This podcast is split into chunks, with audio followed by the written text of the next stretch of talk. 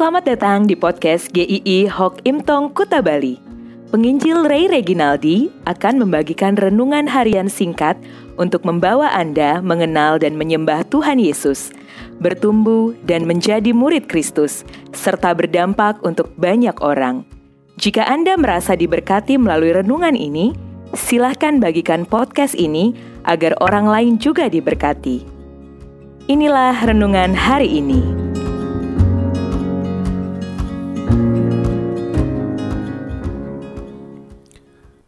Berdoalah.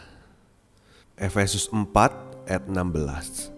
Aku berdoa supaya ia menurut kekayaan kemuliaannya menguatkan dan meneguhkan kamu oleh rohnya di dalam batinmu. Rasul Paulus sering dibahas tentang pertobatannya, tentang pengajarannya yang begitu mantap, juga perjalanan misinya yang luar biasa. Namun, yang kadang terlewatkan adalah doanya Rasul Paulus. Rasul Paulus juga berdoa seperti orang percaya lainnya.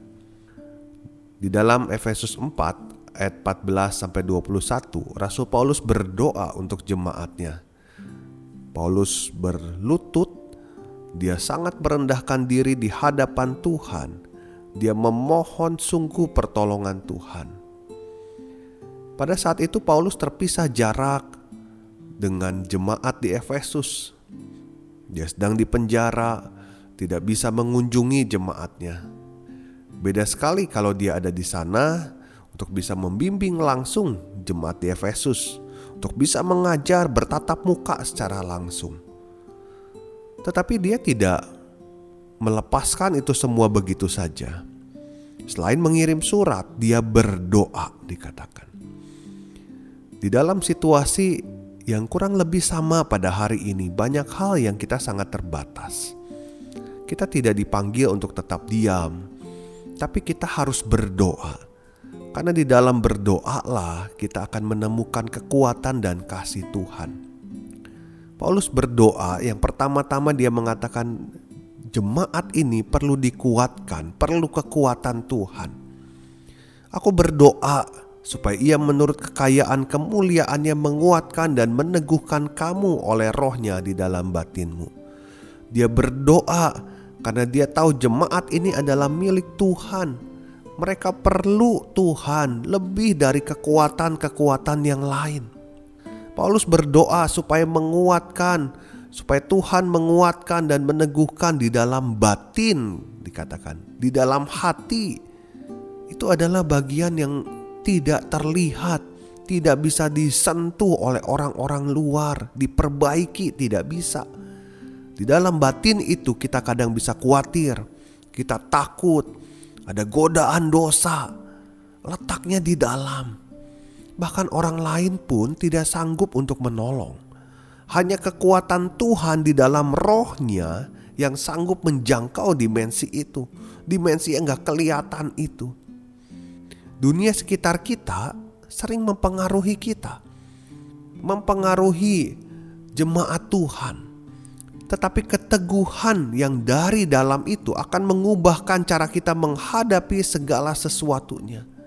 Kita perlu diubahkan bukan situasi di luar, tapi di dalam. Jemaat perlu diubahkan setiap hari dari dalam.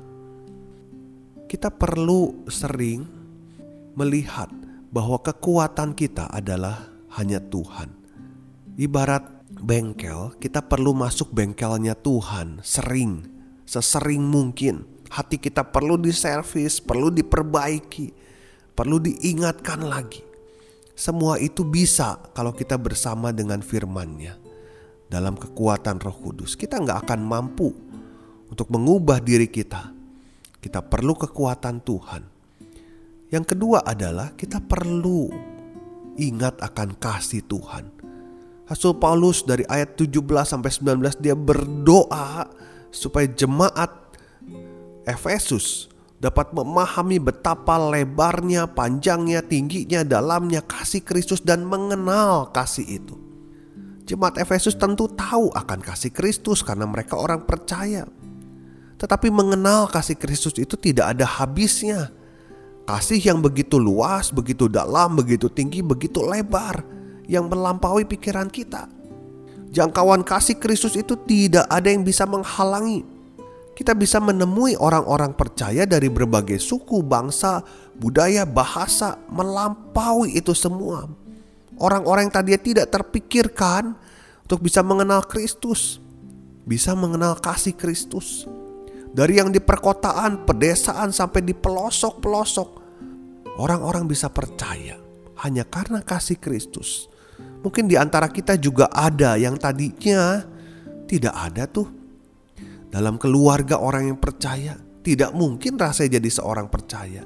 Tetapi kasih Kristus menjangkau kita. Maka Rasul Paulus mau jemaat di Efesus tahu bahwa kasih Kristus itu mereka alami. Bahwa mereka dikasihi Tuhan. Dunia ini sering mengatakan kita tidak dikasihi. Kita tidak pantas, kita tidak layak untuk dikasihi. Tetapi kasih Kristus itu jauh lebih besar dari apa yang bisa kita pikirkan. Dalam satu buku yaitu Surrender to Love dikatakan pengenalan yang benar adalah pengenalan yang dekat dan pengalaman pribadi. Yaitu pengalaman akan kasih Kristus itu. Paulus maka menyebutkan siapakah yang dapat memisahkan kita dari kasih Kristus.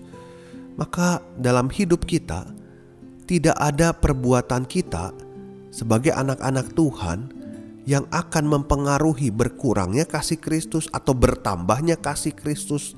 Kasih Kristus itu sudah cukup untuk setiap kita. Keadaan yang sulit sering kali orang mempertanyakan tentang kasih Tuhan. Apakah Tuhan mengasihi saya? Apakah Tuhan mengasihi saya? Kasih Tuhan itu permanen, selama-lamanya tidak akan berubah. Dalam satu perenungan, ketika saya sedang bergumul, dalam tiga kesempatan saya diingatkan dalam tiga kesempatan itu bahwa Tuhan mengasihi saya dan Tuhan juga mengasihi Anda. Maka berdoalah untuk memohon kekuatan dan mengalami kasih Tuhan setiap hari bagi kita juga bagi orang-orang yang kita kenal. Tuhan memberkati, sampai ketemu di episode selanjutnya.